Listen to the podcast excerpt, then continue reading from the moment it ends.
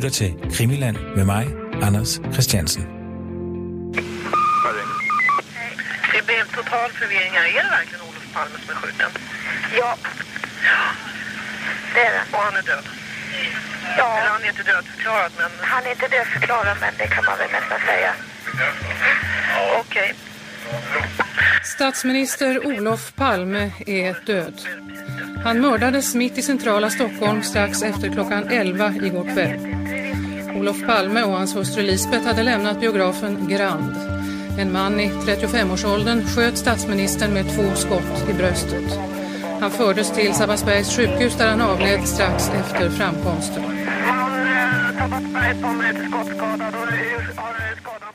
Det her det er en juleudgave af Krimiland. I denne udsendelse der var jeg lige øh, dvæle lidt ved selve fiktionsdelen af mit projekt.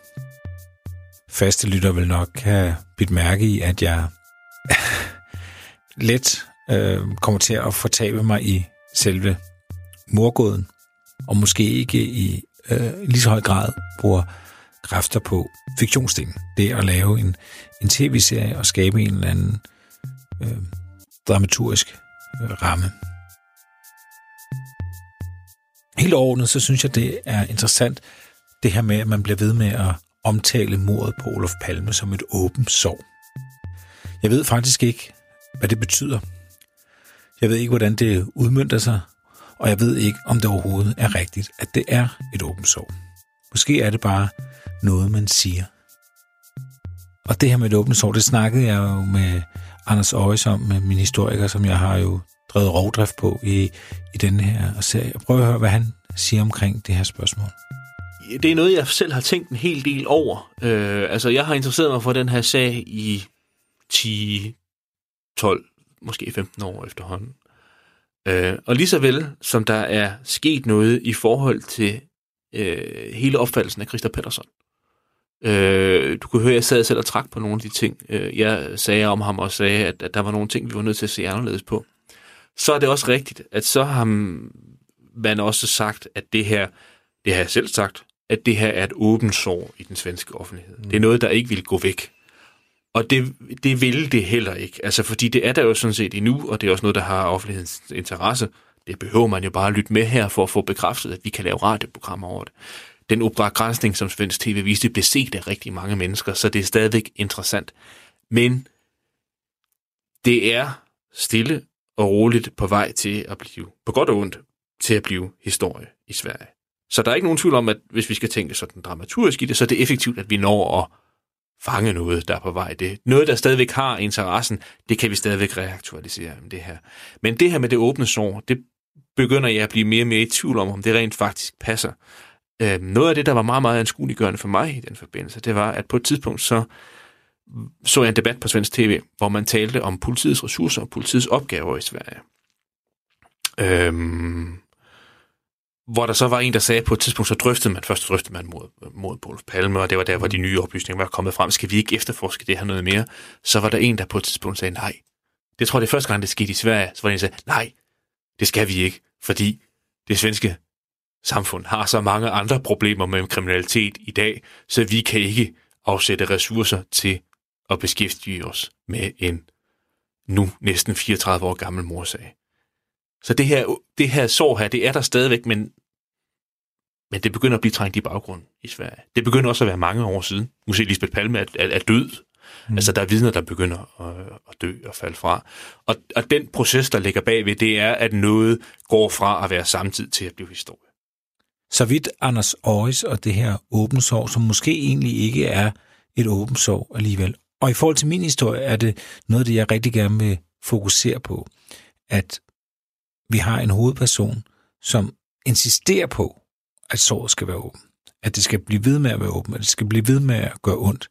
Og at vi ikke bare skal glemme det, lægge låg på og komme videre.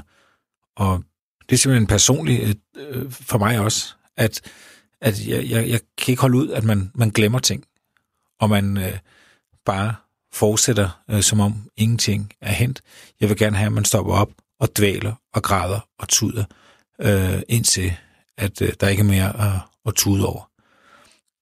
Øhm, så derfor så øhm, er jeg faktisk rigtig glad for, at Øje siger det her, for jeg tror, det kunne blive dels personligt mere tilfredsstillende for mig, men, men jeg tror også, det bare kunne blive et, et bedre drama, at hun, øh, altså hovedpersonen, hun, hun arbejder i højere grad mod alle odds. Spørgsmålet med det åbne sår, det havde jeg også op at vende med en anden gæst, jeg har haft i programmet. Det er Peter Alen. Peter, han er kreativ producer hos dem, der hedder Reinvent Studios. Og Reinvent Studios, det er en virksomhed, som, ja, det er ikke et produktionsselskab, men de laver alt op til, at en øh, serie eller en film bliver sat i produktion. Det vil sige, at øh, de tager en idé, måske får de den selv, og så laver de simpelthen en, en pakke, øh, som de kan rende rundt og, og så sælge øh, til enten store produktionsselskaber eller tv-kanaler eller streamingtjenester, siger, skal den her serie ikke laves. De laver det, der hedder en pitch bible, der er så udmodståelig, at, øh, at når man læser den, så tænker man, det her, det skal realiseres. Og som sagt, så øh, snakker jeg også med, med Peter omkring det her med, med det åbne sår i forhold til en tv-serie. Lad os lige prøve at høre, hvad han sagde. Mm. At øh, alle er videre, og alle er egentlig, øh, det er faret ind under gulvtæppet, og folk de fortsætter at fløjte ned ad gaden, men der findes nogle mennesker, der, der nægter, Ja.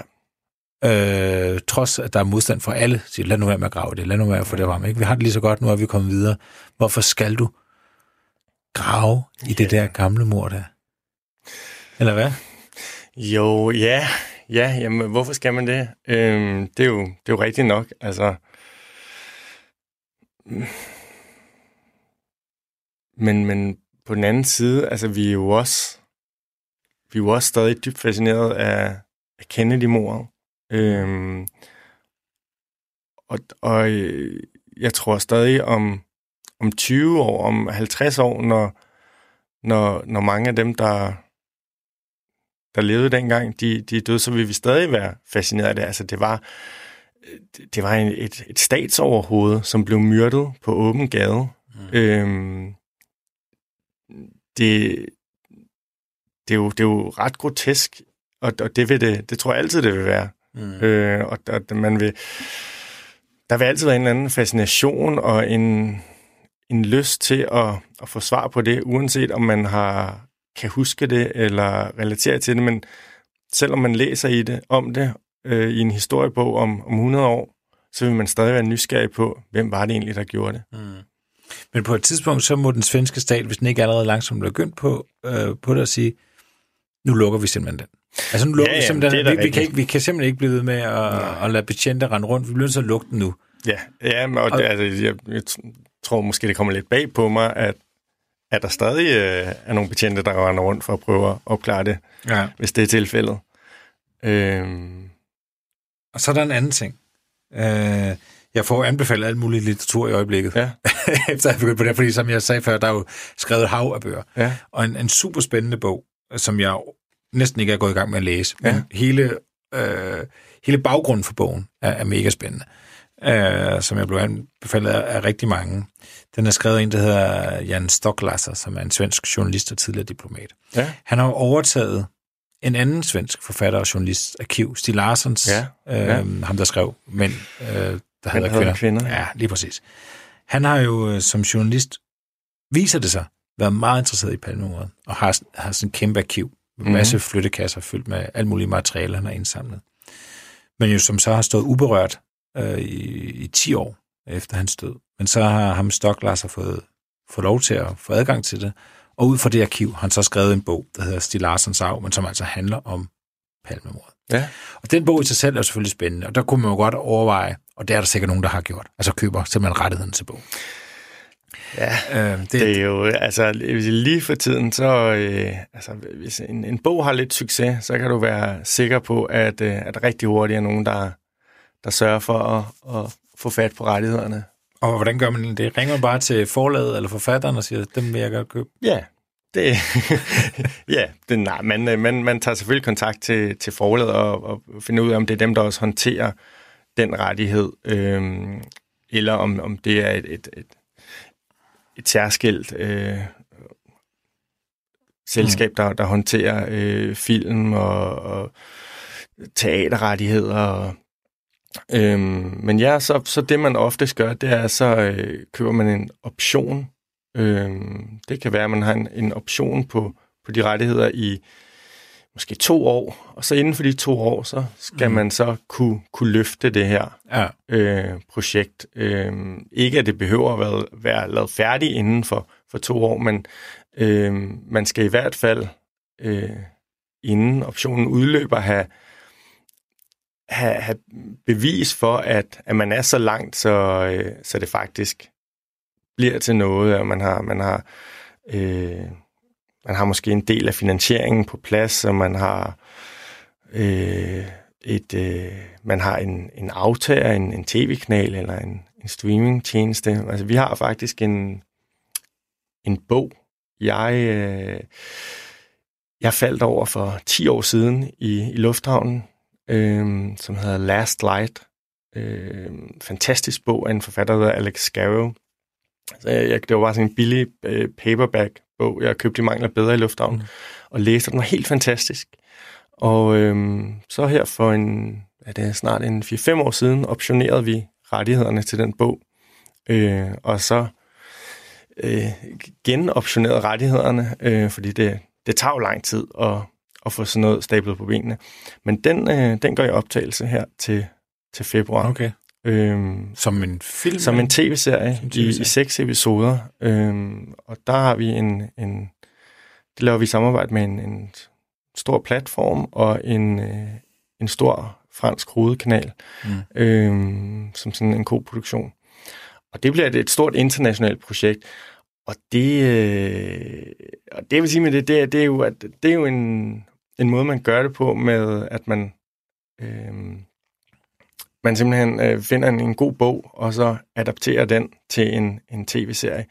Og hvis der findes en, en fantastisk spændende bog om palmemordet, øh, og nu, nu kan jeg, du er, hvad er du, 10 sider henne i den der bog? Du er egentlig med. Ej, jeg, jeg er noget længere. Nå, du er lidt længere. Det var bare, fordi jeg ville læse noget op Ja. for dig.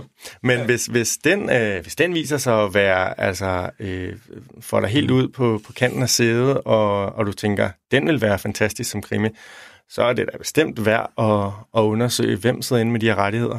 Mm. Og det kan godt være, at du skal være hurtig nu, fordi at hvis det her kommer i radioen, så, så er der sikkert andre, der, øh, Ja, det, det, der vil, går i gang. det, det er vel et, et, et kapløb, ofte. Jamen det er det, men, men det er jo også tit sådan, at så er der måske nogen, der har siddet inde med, med optionen på en bog, og, og ikke fået det løftet. Mm. Øhm, og, og, og så, så bliver den fri option, og så er der andre, der kan, kan prøve, om, om de nu kan. Og det sker ofte. Altså, der er masser af bøger øhm, og, og andre værker, der har, der har ligget i, i, i 10 år og har ligget hos fem forskellige producenter, men der er ikke nogen, der har fået løftet endnu. Mm. Øh, og det kan der være mange gode grunde til. Øhm, men øh, det er der, det er der værd at Ja. undersøge i hvert fald. Men det, som jeg også tænker kunne være sådan, i, i, igen i det her med, hvorfor, hvorfor skulle man beskæftige sig med, med palmemordet øh, i dag? Ikke? Altså, Mm. hvor, øh, men der er jo netop i forbindelse det her med, at, at har, kan det virkelig betale sig at, at slå en statsminister ihjel? Ja, det kan det jo så godt. Men så skriver han, ham her Stoklasser, i, ja, det er ikke engang forordet, det er en, en jo, det er i forordet. Øh, så skriver han, Øhm, han fortæller lidt om arkivet, hvordan han har fået det, hvad indeholder det, og hvad er der egentlig af materiale. Han skriver, at der er jo vanvittige mængder af materiale, man kan fordybe sig i. Hvis man vil grave videre, er det på sin plads med en advarsel. Pas på. Palmemordet er en modbydelig virus, som mange har ladet sig smitte af. Og det synes jeg jo bare er omega spændende. Ja, for søren da. Det er, da, det er, da, det er også sådan et, et, et anslag til en, en film eller en tv-serie. Ja. Og så titlen, og så Ja. bliver man bare nødt til, og Ja. altså man vil jo gerne smittes. Ja, altså at nærmest man bringer en advarsel. Ja. Øh, altså, vi vil faktisk ad, altså, I skal ikke se det her. Nej, og, og det, er jo, øh, det er jo den bedste måde at få nogen til at blive. Ja, jamen, jamen, det er jo det, der er så genialt. Ja. Ikke? Øh, og, om, og så er det jo rigtigt. Altså også Anders Aarhus, min hi- historikerkilde, som jeg bruger meget, han vil jo ikke sige det direkte, men det er jo en, altså, han læser jo alt, og han. Mm. tænker på det stadigvæk, øh, og kredser om det. Ikke? Ja. Han, og han vil meget gerne rekonstruere selve altså, mor, mornatten igen Mhm. og igen. Ja. Gloop, der kører. Ja. Er der noget, vi har overset? Vend tilbage, er der en eller anden... Jamen, det er jo også, fordi jeg kan jo ikke lade være med at tænke på, det, det sad jeg også og tænkte, da jeg, da jeg, da jeg læste om selve måneden, altså han var jo, han havde været i biografen med sin ja. kone, Ja. og går hjem fra biografen en mørk aften. Jeg tænker, altså der er jo, hvordan hulen, har det været planlagt eller ikke planlagt? For Har, har det været planlagt, er det jo en, der har, har fulgt efter ham. Ja. Øh, måske i længere tid. Det er måske en, der har siddet ude for biografen under hele forestillingen og fulgt efter dem i, en, i den mørke gyde, eller hvor det nu var.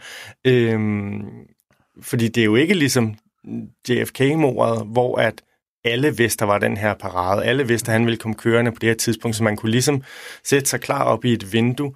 Altså her, der har, har det enten været, har, har Olof Palme været på det forkerte sted på det forkerte tidspunkt, eller også så, så er det jo en, der har, har fulgt efter ham. Mm-hmm. Øh, og det er, jo, det er jo vildt uhyggeligt. ja. Øhm, Også fordi, at det, det er, der er ikke mange, der ved, det er den film, han skal se.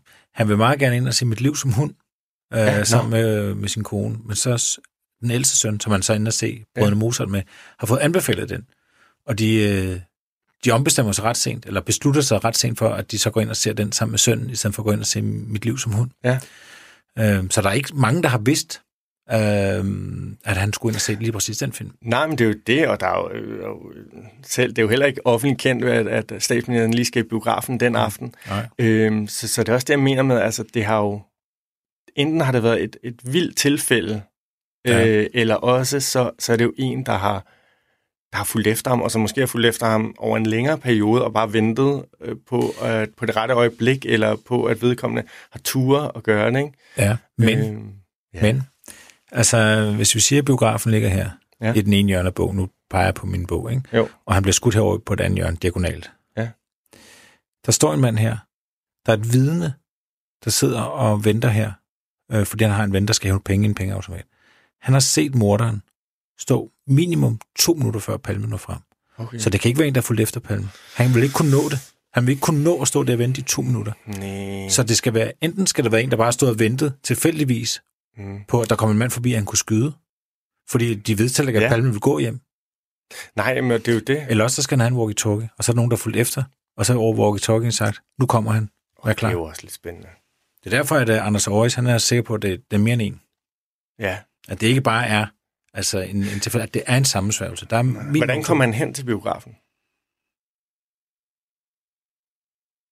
Ja, det ved jeg ikke. Det skal jeg finde ud af. Det ved jeg faktisk ikke. Fordi det er jo, ret, det er jo også ret interessant, fordi man kan sige, hvis han er gået, og de er gået den samme vej, så, så, øh, så kunne det godt være en, der har fulgt efter og tænkt, okay, men de er gået herhen, og de er gået den her vej. Ja, det jeg tager rigtigt. chancen og stiller mig her, fordi de går højst sandsynligt den samme vej tilbage. Men er han blevet kørt derover eller på anden måde blevet transporteret over til biografen, så, øh, så er det jo rigtigt. Så, er det, så vil det være lidt for vildt at bare satse på at stille sig over på, på en eller anden sidegade og håbe på, at han kom den vej. Altså, så må der enten have været en, der har fortalt, mm. Han går, og han går den vej. Ja. eller øh, det må have været et tilfælde. Der er to ting, jeg lige skal samle op på her. Dels så taler vi om den bog, der hedder Stig Larsens arv af Jan Stocklassen. Det er den, der starter med en advarsel. Jeg vil sige, nu har jeg læst bogen færdig, og jeg vil absolut ikke købe rettigheden til den. Den er læsværdig, men jeg synes også, at den ikke holder. Jeg synes, den er for spekulativ øh, mange steder. Og, og det er i hvert fald ikke den serie, jeg vil lave. Men, men hold jeg ikke fra at læse den. Det er slet ikke sådan forstået. Men, øh, men det er ikke den vej, jeg vil gå. Den kan han have for sig selv. Og så slutligt, så øh, lover jeg jo Peter lige at læse op på, hvordan at Palme overhovedet kommer hen til biografen. Vi ved jo, at han forlader Grand-biografen med sin kone øh, om aftenen den øh, 28. februar, for simpelthen at, at blive skudt kort tid efter. Men hvordan er han kommet derhen? Det er en rekonstruktion, som jeg har fundet i en fremragende bog om mordet på Olof Palme, der hedder Blodspor i sneen, og den er skrevet af Jan Bundesen, som også er svensk. Og han skriver følgende omkring Olof Palmes øh, tid inden biografen. Klokken 18.30 ringer Olof til sin søn Morten for at drøfte diverse spørgsmål, herunder deres planer for aftenen. Det viser sig, at den unge Palme også skal i biografen for at se brødrene Mozart, der går i græn. Forældrene diskuterer, om de skal gå med ham. Lisbeth vil gerne se Mit liv som hund, men udsigten til at få selskab af sønnen frister hende sikkert. De lover ikke Morten, at de vil møde ham, og bestiller ikke billetter til nogen af filmene. Da ægteparet forlader deres hjem omkring kl. 20.35, har de om sider besluttet sig for at se brødrene Mozart. Et ung par passerer i det samme Palmes hoveddør. De unge genkender statsministeren, men bemærker ikke noget usædvanligt, udover at Lisbeth, da de griner af en vittighed, ser skræmt og overrasket ud, som om hun tror, at de lærer af hende. Hverken det unge par eller de adskillige andre mennesker, der møder Olof og Lisbeth Palme på vej mod tunnelbanestationen Gamle Stan, ser nogen følge efter statsministerparet. Næsten alle, der møder Olof Palme, genkender hans ørneagtige ansigt, som har brydet svenske avisforsider i mere end to årtier. Henne på stationen ønsker billetsælgeren høfligt Olof Palme en god tur. Han undrer sig over, at statsministeren ikke er ledsaget af livvagter. Mens ægteparret står på perron og venter på det nordgående tog, er der flere, der genkender Palme. En fulderik i højt humør råber, Hej Palme, tager du tunnelbanen i dag? En mand, der ser Palme på tæt hold, bliver forbløffet over statsministerens enkle og uelegante påklædning og byder især mærke i hans krøllede og posede bukser. Han får også det indtryk, at Palme er bekymret over et eller andet, da han vandrer nervøst frem og tilbage på perronen. Endelig kommer toget, og Olof og Lisbeth stiger ind i den tredje af fire vogne. Der er mange mennesker med toget, og ægteparret må stå op. Selvom adskillige mennesker genkender Olof og Lisbeth, er der ingen, der tilbyder dem at sidde ned. En mand lægger mærke til, at Palme går nervøst rundt, som om han er interesseret i togvognens konstruktion. Efter en kort og begivenhedsløs togtur står ægteparret Palme af på stationen Rotmansgatan. Da de går op ad trappen, bliver de genkendt en ung fyr, der i kodhed går om bag statsministeren for at se, hvad livvagterne vil gøre ved det. Det overrasker ham, at der ikke sker noget. Ikke engang Palme selv lægger mærke til ham. Hverken den unge mand eller de øvrige vidner ser nogen følge efter statsministerparet under den korte gåtur fra stationen til Gran. Uden for biografen mødes Olof og Lisbeth med Morten og hans kæreste. Da statsministeren ser de mange mennesker foran billetsalget, prøver han at udnytte sin status til at springe over i køen. Et vidne morer sig over, at Lisbeth skælder Olof ud, og han chokker lydet om bag køen. Flere genkender ham, mens han tålmodigt står og venter på, at det skal blive hans tur.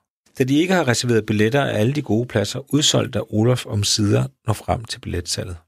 Heldigvis for ham er billetsælgeren en politisk sympatisør, der synes, at Olof skal sidde godt, så han sælger statsministeren og hans kone to billetter, som er lagt til side til en af biografens direktører. Billetsælgeren synes, at Palme ser ud ligesom på billeder, men han genkender ikke Lisbeth, der virker nervøs og urolig.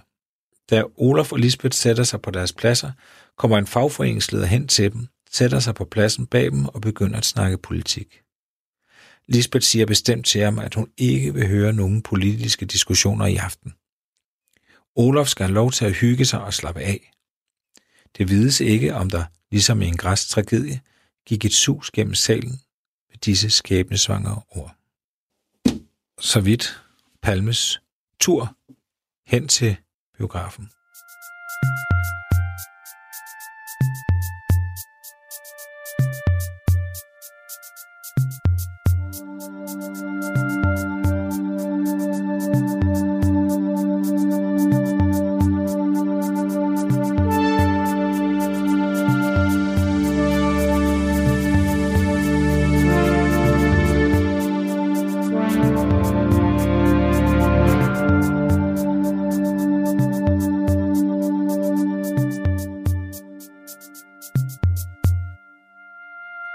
Men det hjælper mig selvfølgelig ikke i forhold til den her hovedkarakter, jeg gerne vil have.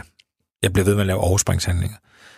Sagen er, at jeg simpelthen ikke kan finde ud af, hvem hovedkarakteren egentlig er. Og jeg har i løbet af de her programmer haft øh, flere, der har forstand på dramatik øh, med i studiet. En af dem, det er Christian Ballund. Han, er, han underviser ude på filmskolen, den danske filmskole, i instruktion og i animation. Og han havde øh, følgende at sige til mig. Og vi, også fordi vi skal jo på, vi, altså jeg går ud fra, at der skal også være noget i hende, vi skal være interesseret i. Altså vi, mm. hun, hun må jo have noget, hun slås med, andet end at ville løse palmemor. Ja. Altså det, det giver sig selv. Ikke? Skal en hovedperson, som har en eller anden, en eller anden de ligger og slås med af personlig karakter. Ja.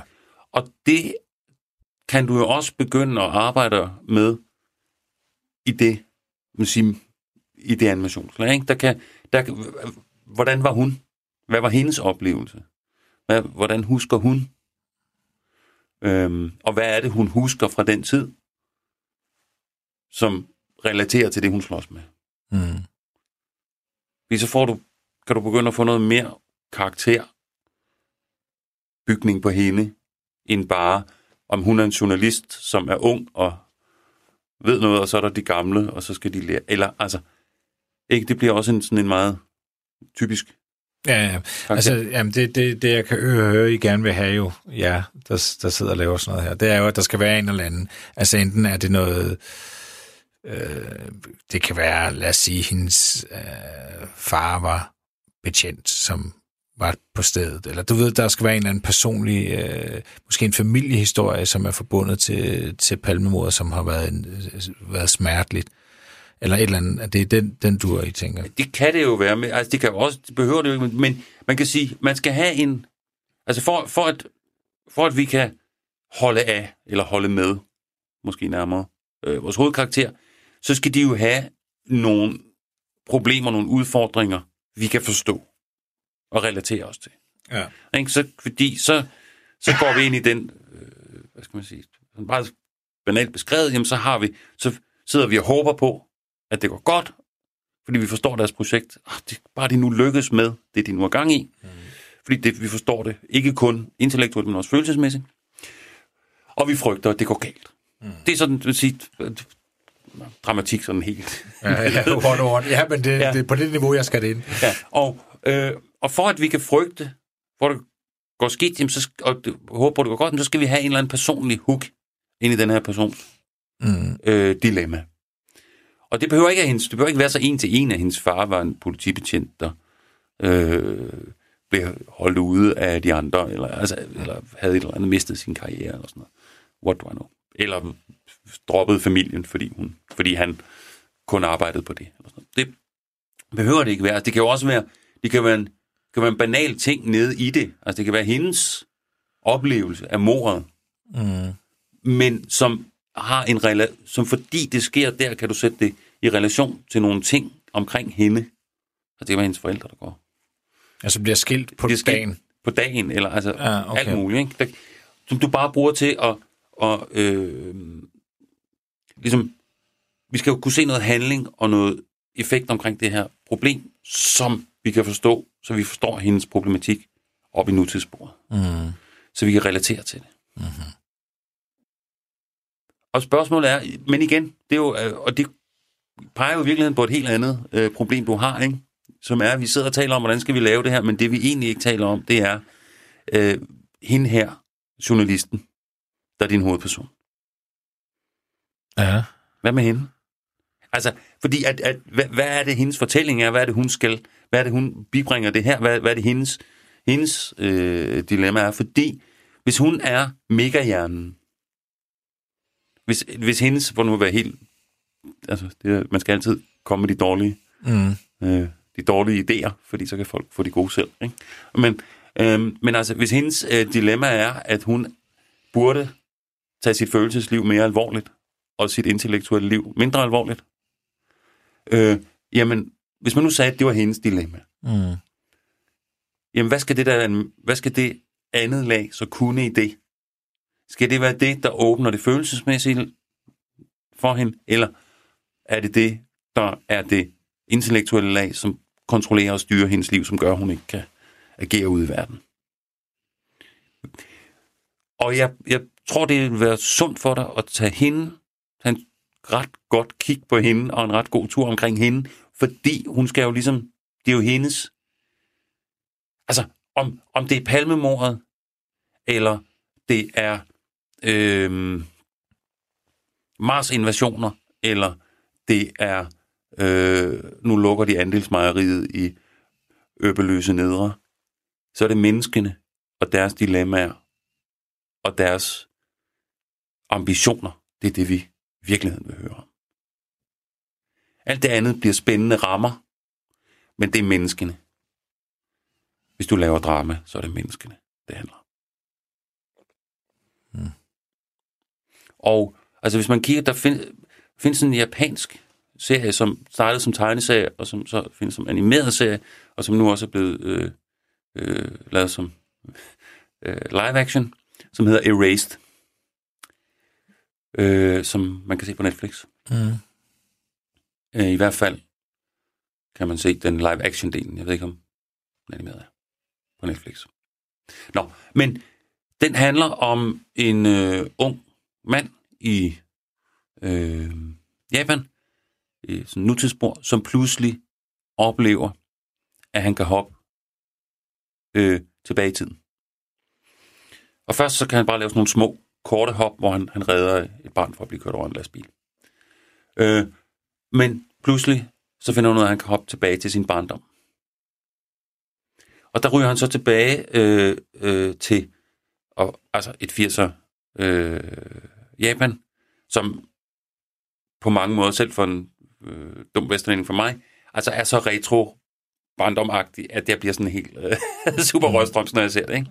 Ja. Øh, men, øhm, og, og der, det er fordi, der er en sådan seriemorder, som har slået børn ihjel i, i, i, hans, øh, i hans by. Mm. Og det skal han så tilbage for at stoppe, og det prøver han. Og så hopper han frem og tilbage. Øhm, og den, den synes jeg, du skal se, fordi den arbejder med to lag, hvor, hvor det, som, det så ikke er animeret, men, øh, eller der er ikke sådan et, et live action et animeret lag, men, og fortidslaget fylder væsentligt mere end nutidslaget. Men, men der er noget med, hvordan de to spiller sammen, og hvordan det benytter det der med at gå tilbage til en tabt Mm. tid. Øh, hvordan det åbner sådan et ret stort følelsesmæssigt rum. ja.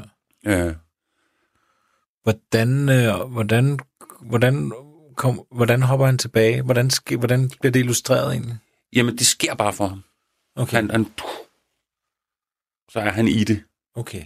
Ja, det er sådan en, det er sådan en overnaturlig kraft, der bare kaster ham. Ja, det er klart. Ja.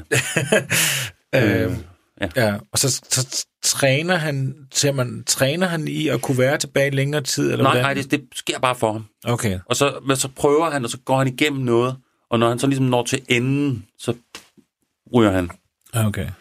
øh, øh, så ryger han ud af det igen, ikke? Okay. Og så må han så prøve igen. Okay. Så det er ligesom, det, det er sådan nærmest missionsagtigt. Det er sådan samme mission lidt, han bare prøver på forskellige måder at løse, ikke? Ja. Ja, han har jo ret. Og det var ikke meget bedre, da jeg havde besøg af den danske krimiforfatter Thomas Rydal. Jeg snakkede også med ham omkring hovedpersonens motiv, og hvad jeg egentlig kunne gøre. Men, men det med hendes egen personlige motiv, Mm. hvad, hvad kan det være? Øh, altså, det kunne... Altså, så- altså, det kunne, bestemme. Hvis jeg skulle bestemme, jamen, så tror jeg, altså, det, jeg tror, jeg vil prøve nogle forskellige veje ind i det, og, øh, men jeg tror, at altså, der kunne, det kunne dels være, at der var noget historik i hendes, altså i familien, som gør, at hun har en, et særligt forhold til det der. Det kan også være lidt sådan et, øh, et, et, et øjeblik, altså nu beskrev jeg selv det her med du ved, et, et, et sted i barndommen. Det kan godt være, at hun har et, et barndomssorg, som har at gøre med det mor. Det kan godt være, at hendes far pludselig var virkelig meget på arbejde, da det der mor skete, eller noget i den stil. Altså, så det kunne godt, og, det, og det kunne også være, at han havde været mistænkt. Eller, altså, der var jo, de interviewede jo næsten 10.000 mennesker med, i, i forbindelse med det her. Det er jo den største mor efterforskning nogensinde. Mm. Øh, større end JFK faktisk, i, i mandetimer og dokumenter. Vildt nok, ikke? Mm. Øh, så det har jo haft konsekvenser for mange andre, udover Olof Palme og hans familie. Øh, og, øh, og det kunne godt være, at hun har, har lidt under det på en eller anden måde, som gør, at da der dukker et spor op, eller at hun får et spor, fordi nogen ved, at hun har en eller anden aktie i det. Ikke? Ja. Altså det har i hvert fald det, at så, altså, det, det har den fordel, at når det begynder at blive lidt farligt, hvilket det jo gerne må, hvis det skal være en spændende serie, så, så, så bliver hun hængende. Fordi hvis Ja. hun er klog så, og et normalt menneske, så vil hun sige, åh, oh, det skal, det, jeg skal ikke, altså, jeg skal ikke til at lege med noget, hvor det pludselig er sådan nogle øh, andre staters øh, sikkerhedspolitik og alt muligt andet, jeg begynder at råde rundt i. Mm. Øh, altså det vil jeg i hvert fald, det tænker jeg, det vil de fleste almindelige mennesker, hvis det skal have det der realitetsspor, som det også lyder som om, du gerne vil have, Ja. øh, så vil det være et issue. Og der er det jo godt, at, at den person er stærkt motiveret, og det vil man normalt ikke være, hvis det bare er Nej. endnu yet another øh, artikel, jeg skal skrive for en eller anden freelance job. Mhm. Så, så det er en god ting at have. Ja, så det skal måske være et, øhm, hun har et ældre familiemedlem, som på en eller anden måde har været plaget, som hun har Mm. oplevet, Ja. stadig er plaget af det. Og det kunne jo det kunne være fint, fordi det kunne berøre det, vi snakkede om til at starte med, at Sverige har det her sorg. Altså, at, at så, så hun kunne have en person, der inkarnerede Sverige, øh, mm. som øh, ligesom var gået under i det her. Øh, og, øh, og derved kunne hun ligesom i forsøget på egentlig at hele sit eget sorg, også hele det svenske sorg, ved at opklare det her. Ikke? Ja. Det er klart også, altså der må sidde nogen derude, der har lyst til at være den der breaker, eller den der, der, der, der opklarer sådan en sag som det her. Ja. Den, den lyder også på overfladen til at, at være til at opklare, fordi mm. man tænker, det- altså, det kan ikke passe. altså, det kan det ikke. Altså, DFK, der fornemmer man, at, at, at, at der er så mange, der er interesseret i, at den ikke skal blive opklaret. Men den her, det virker, det virker så, så amatøragtigt, noget af det, der er foregået, at man tænker, at må, det må kunne opklares. Ja. Det synes jeg faktisk er en meget fed øh, approach, øh, som hun kan have. Ja. Altså, Ja. altså, alle har været nogle idioter. Nu, nu, Ja. nu tager jeg lige at gøre det. Ja. Ja. Og- det kan og også godt være. Det er også ungdommens øh, Ja. sådan dumdristighed, eller sådan, øh, hvad hedder det, at finde ud af måske netop, at, at det er, altså det er jo så klart, det hun skal finde ud af, det er jo, det er meget mere komplekst, end Ja. hun lige tror, ikke? Ja. Men man kan sige, det ved vi allerede, så der er også noget med måske, at Altså, jeg, jeg tænker helt klart, det, det, det spor, hun får ind, det skal være et, hvor hun med det samme kan mærke, wow, der er en vinkel ind i det, eller der er noget, der er noget her, som ingen... Altså, jeg sidder med noget her, som politiet ikke har haft, eller der er nyt, eller et eller andet. Mm. Mm. Jeg, har en, øh, jeg har en idé til et spor, der kan være ind. Ja. Øhm, jamen, det er fordi, øhm, noget af det første, der sker efter mordet, øh, det er det her med, at øh, der kommer et opkald til den svenske ambassade i Bonn, Mm. hvor de så siger, øh, der er nogen, der siger, vi er rute med i fraktion, vi har lige dræbt jeres statsminister. Og de ringer til, de ringer til nogle numre, som man ikke bare slår på telefonbogen. Det er nogen, okay. der har haft et, et Ja. kendskab til de an, ansattes øh, på, på ambassaden. Ja. Og forberedt måske. Ja. Ja. Og, og plus det er, ja, for det er nemlig ikke særlig lang tid efter, et par timer efter, måske mm. Fire timer efter, men nyheder rejste noget langsommere dengang. Ja. Øhm, og der er jo nogen, der tager telefonen og får den her besked. Øh, men så har jeg bare tænkt på, øh, at det kunne måske være... Jeg skal også sige, at de fleste betragter det i dag som en, altså en, øh, en, en vild, altså et, et be- bevidst måde at vildlede politiet, ja, Ja, eller ja. sætte efterforskning på, på et Ja, galt spor okay, fra start af. Ja. At der er ingen, der tror, der er Ruda med Mm. i fraktion Ja. i dag. Altså, altså seriøs efterforskning, men man har gjort det måske for at få, få nogle af dem, der skulle efterforske til at bruge, bruge kræfter ja. Ja. på noget forkert. Ja. Og så har jeg bare tænkt, kunne det være, at, øh, fordi nogen tager telefonen Mm. og får den her besked, men kunne det være, at der er et sted, der er en, der ikke har taget telefonen, mm. Eller har gået en telefonsvar i gang, Ja. og der blev indtalt en besked på et bånd, Mm. og at hun på en eller anden måde, det her bånd, Mm. at det faktisk stadig findes. Ja. Og at den unge journalist overhører en ven, der, der går på universitetet eller et eller andet, mm. Der siger, at, man, at, at stemme er ligesom et, øh, et fingeraftryk. Nå ja. Mm. Og hun får den idé, at Mm. Kan man bruge det til et eller andet? Ja. ja. det her bånd, ja. Ja. vi, vi kan rent faktisk identi- identificere Ja. 100 procent, Mm. hvem det er, der ligger den her besked. Ja, med digital teknologi Ja. ja. og så videre. Ja. ja. Altså, kunne det være noget, der sådan kunne, øh, kunne være spændende? Virker det spændende på dig, når jeg siger det her? Ja, helt klart. Helt klart. Det, altså, det, det, det åbner der noget. Altså, øh, jeg tror, jeg vil være øh, ivrig efter at, at teste af, om det kan, om hvordan, hvor plausibelt det kan lyde, at det bånd kommer i hænderne på hende, uden at være- have været i andres hænder. Ikke? Jo. Altså, så man skal finde en fed måde, der ikke er for tilfældig. Altså, det er også der, hvor jeg, jeg var antydet lidt, at, at, at det er altid bedre, hvis, hvis, hvis det ligesom enten at helten eller heldinden bliver, altså, bliver udvalgt, altså sådan, du ved, nogen lægger det, altså nogen dumper det ind af hendes brevspræk, for så giver det en masse gode ting. Hvem er det, der gør det, og hvorfor gør de det? Altså er det eventuelt nogen, altså du ved, er der nogen, der er ude på at lokke hende til at gøre noget, som, du ved, tjener et andet formål og så videre. Ikke? Altså, så det giver også en masse gode muligheder, kan man sige. Ikke? Ja. Øh, og så netop, hvis det bare er tilfældigt, så er det sådan lidt, så, er det ikke, altså, så, så har vi en tendens til måske at tænke, at- at helten er lidt mindre held, helteagtig, fordi de er bare tilfældigt udvalgt. Ja. Var det havnet i din?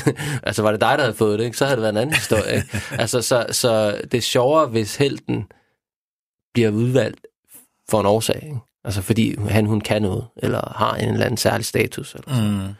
Mm. Øh, så det kunne man også godt arbejde med. At sige, hun har måske, det kan være, hun har, det kan også være, altså lidt eller hvis du kender den der gamle John Grisham, The Pelican Brief, det kan være, hun har skrevet noget om mordet i, i sin, øh, i sin, øh, whatever, et eller andet, hun har lavet på journalisterskolen, eller øh, gjort et eller andet, eller har en øh, podcast, hvor hun øh, har talt om et eller andet, eller who knows. Altså sådan, så hun har gjort sig bemærket på en måde, så hun pludselig fremstår som en, der er relevant at give noget af det her.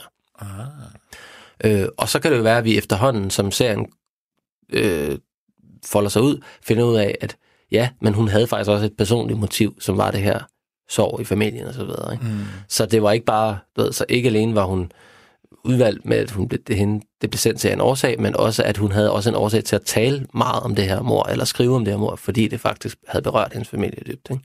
Så har du sådan en god, vil jeg sige, en god, en god karakter også i antydningen, der er bygget op, som, som også øh, brænder for noget og gør noget og våger sig selv lidt allerede inden historien i virkeligheden starter. Altså, hun måske har en eller anden... Altså, nu bliver det jo meget... Øh, ananas i egen juice øh, er jo lige blevet optaget som, som en, en fast vending. Altså, hun har en podcast. ja, det var, bare for, meget- det var bare hvor- for at tage et moderne eksempel, så det ikke bare var... Øh, Hvor hun taler meget om palmemordet. Ja, ja, ja.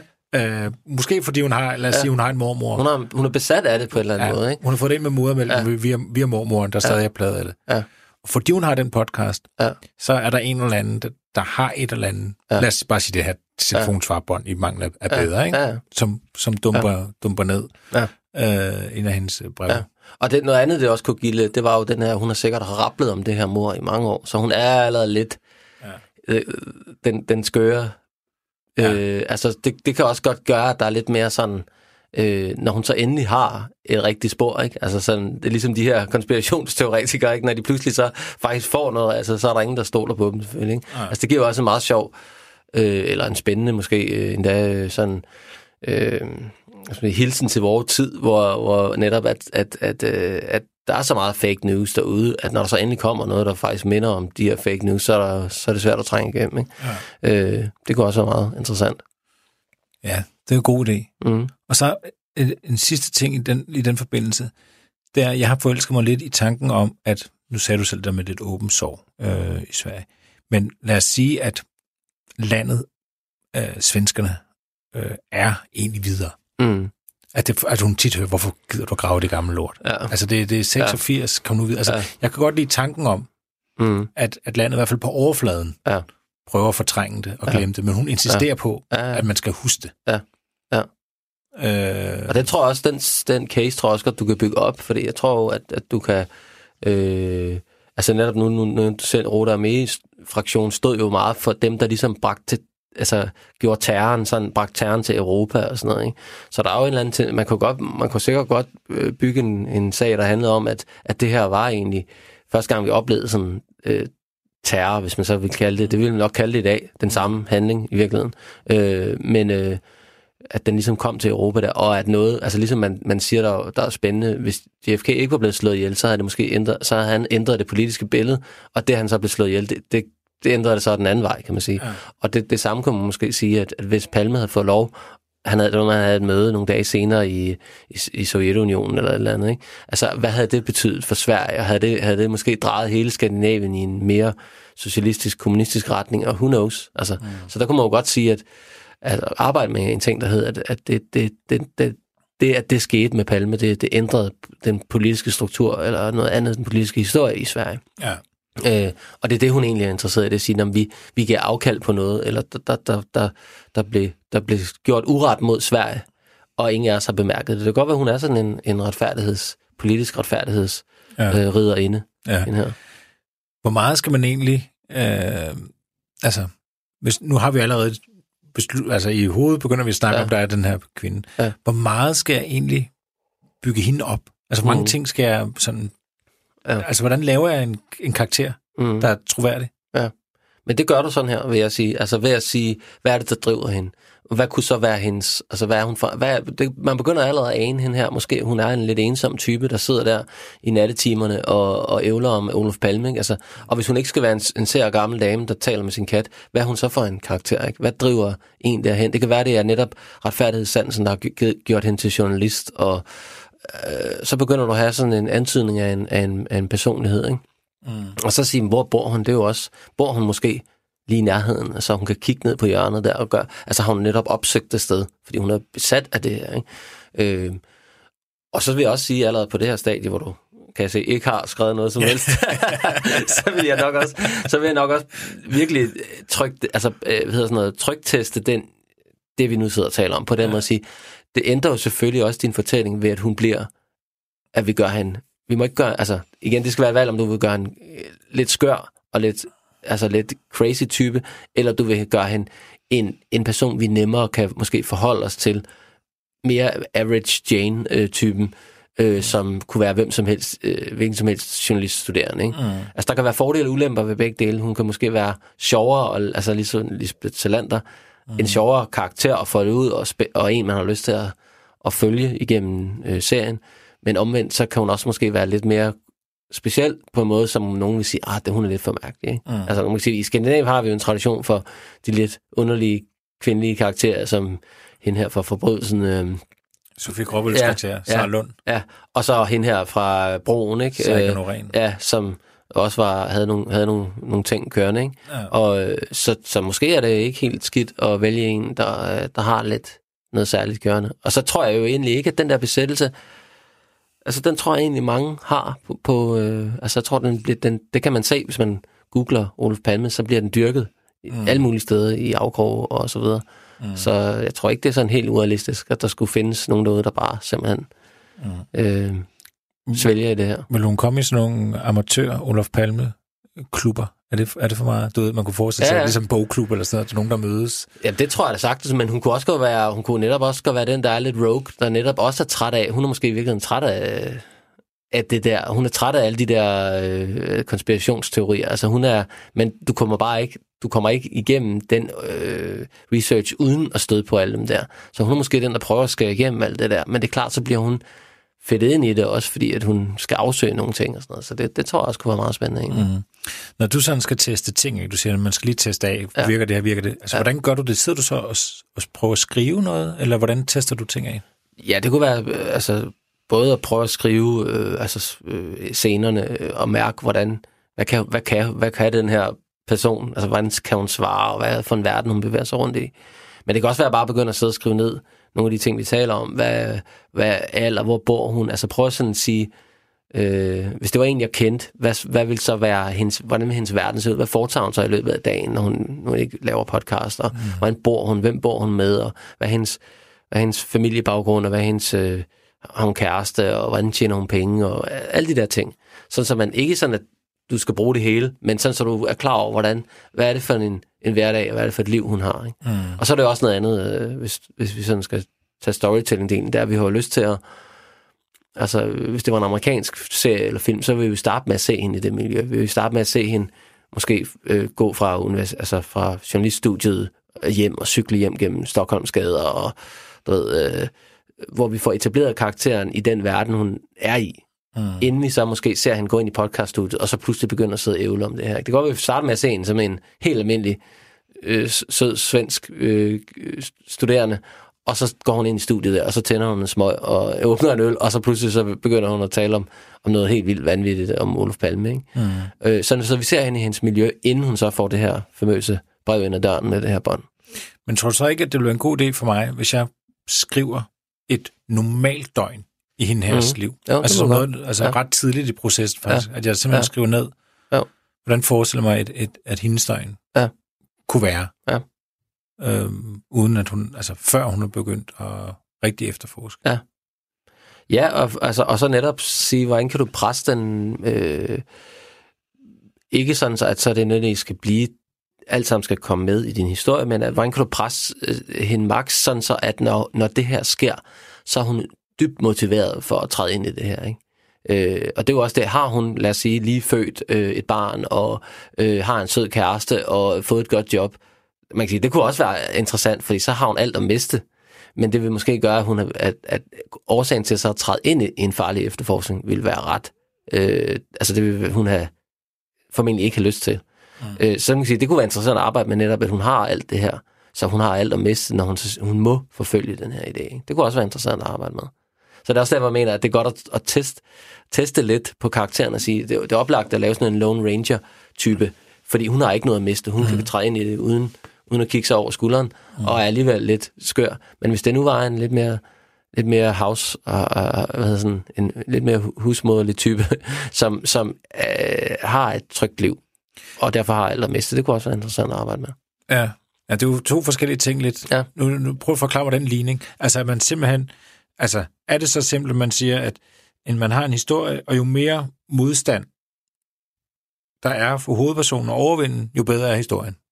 Det, det, det vil i hvert fald være et, et, øh, en, en ting, der vil give friktion i din fortælling på en måde, som både vil afspejle... Øh, det er der, vi sad og sagde dårlige film, så tænkte jeg, hvorfor... Altså, han er jo bare politimand. Hvorfor skulle han altså, Ja. ja. køre ned i den øh, mørke gade der, ikke? Ja. Ja. Altså, øh, det, han får bare løn for det der, ikke? Hvorfor skal han risikere sit liv, og så videre, ikke? Så der skal altid være et motiv, der driver personen, ikke? Og så kan man sige, hvis, hvis så på den ene side, at have en person, der er frygtløs, intet har at miste, kan være enormt spændende, men på den anden side, at have en, der har alt at miste, gør jo bare, at motivet er så meget større. Og så er det måske netop, at vi finder ud af, hvorfor er det, hun gør det her?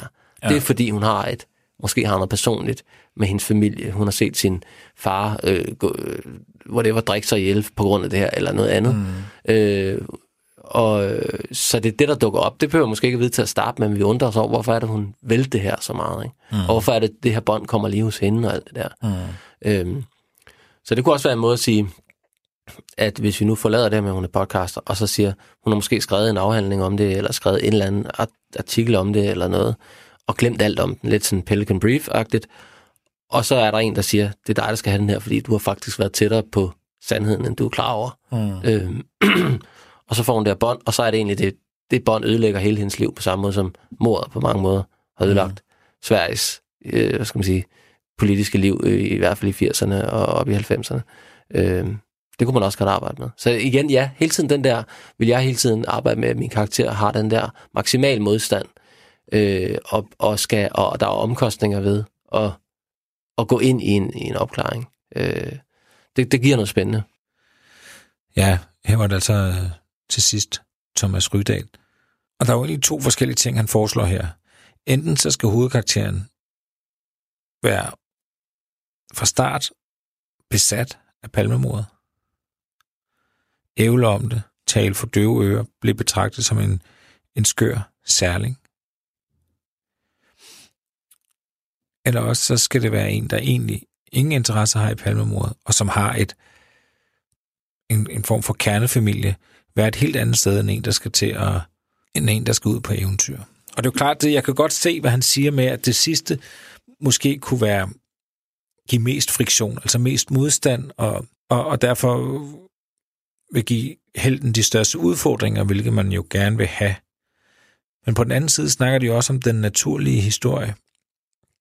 Og det er jo netop ikke naturligt, at man fra den ene dag til den anden går fra at hente børn og lave mad til at kaste sig ud i en, en eventyrlig rejse. Eventyr kommer jo ikke nødvendigvis på nogen, der bare sidder og venter på det. Eventyrene kommer jo til mennesker, der opsøger dem. Så derfor så, så vil jeg egentlig helst have det andet. Øh, dels fordi det er mere realistisk. Jamen, jeg hader, jeg hader, jeg hader dramaturgi. Altså, jeg hader det. Jeg hader alle de personlige motiver, og fordi jeg kan ikke lade være med at se det som konstruktioner. Men altså spørgsmålet, om der er nogen vej udenom.